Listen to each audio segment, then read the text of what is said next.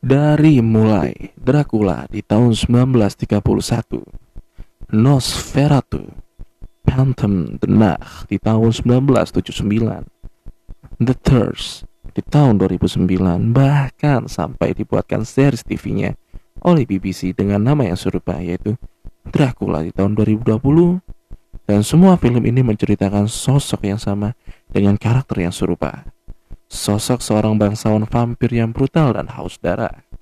Namun, semua itu hanya karakter fiktif di dalam film. Namun apakah Anda pernah bertanya, apakah di dunia nyata ada sosok Dracula yang sesungguhnya? Inilah cerita tentang Dracula di dunia nyata, yaitu Vlad Tepes atau Ladislaus Dracula.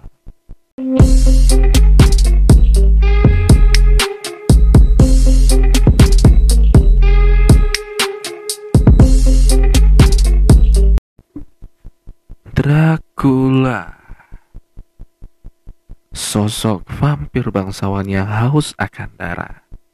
Dan karena kebangsawanannya lah Dia dikenal dengan nama The Count Dracula. Sosok fiktif ini dikarang oleh penulis asal Irlandia bernama Bram Stoker dan diterbitkan pada 26 Mei tahun 1897.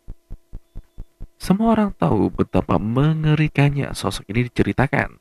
Tapi tahukah Anda bahwa Bram Stoker terinspirasi oleh seorang tokoh dunia nyata dalam menceritakan sosok ini?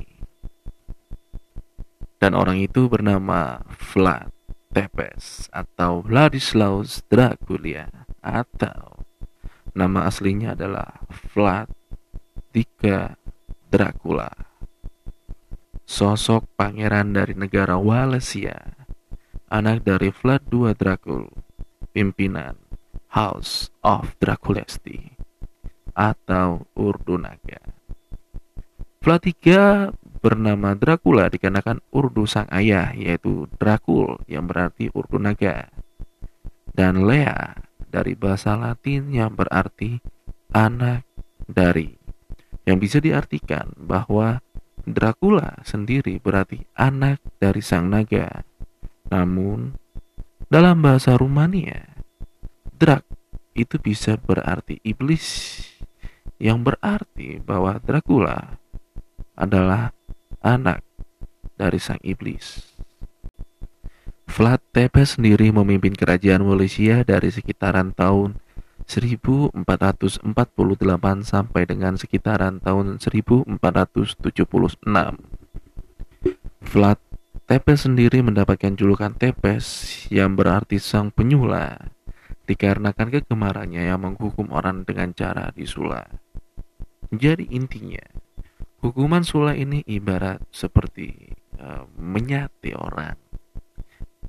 Jadi kalau sate biasa yang ditusuk adalah daging, kalau hukuman sulah ini yang ditusuk adalah orang atau manusia itu sendiri.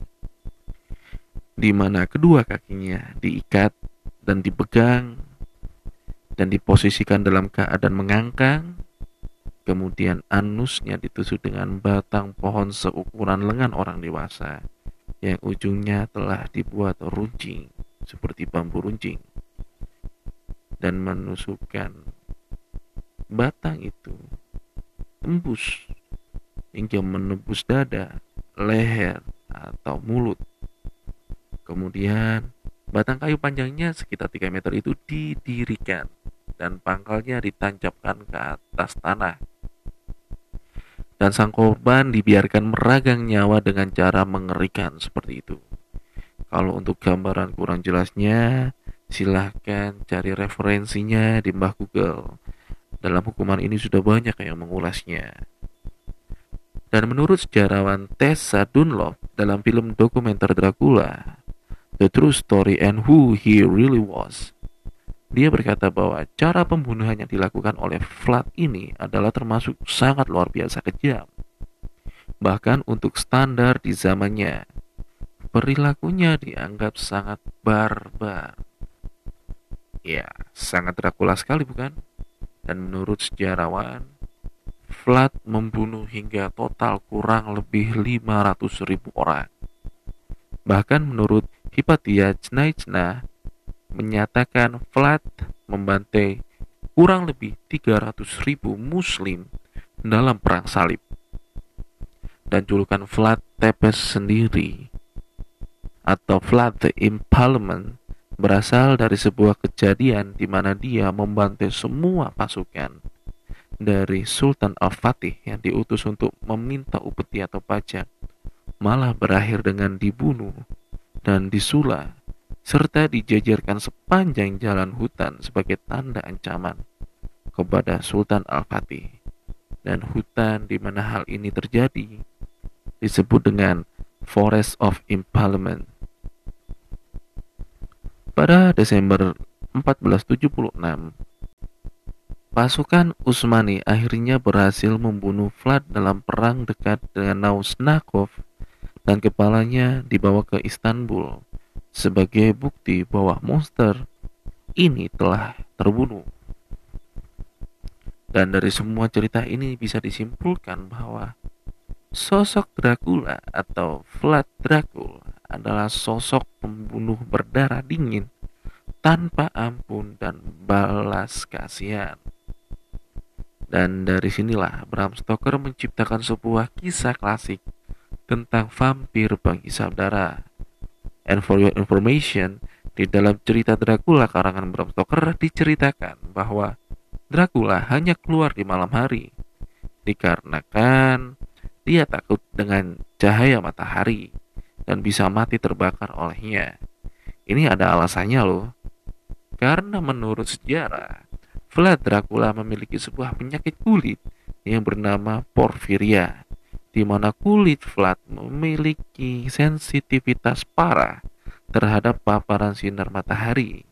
Sehingga jika kulitnya terpapar sinar matahari akan menjadi iritasi parah hingga seperti luka bakar, memerah, lebam, dan sebagainya. Hal inilah yang menjadi inspirasi Bram Stoker yang menyebut bahwa Dracula bisa mati karena terbakar sinar matahari. Mungkin cukup sampai di sini saja untuk menceritakan sosok ini. Sebenarnya cerita Dracula sendiri ini sangat panjang karena uh, memang uh, story hidupnya yang memang sangat mengerikan dari mulai di mana kerajaannya pernah diserang oleh Turki Utsmani terus akhirnya dia dan sang kakak Radu akhirnya diungsikan ke Turki menjadi salah satu tawanan perang. Diajari cara berperang diajari bagaimana cara taktik berperang oleh uh, pasukan Turki khususnya Sultan Mehmet atau Sultan Al-Fatih.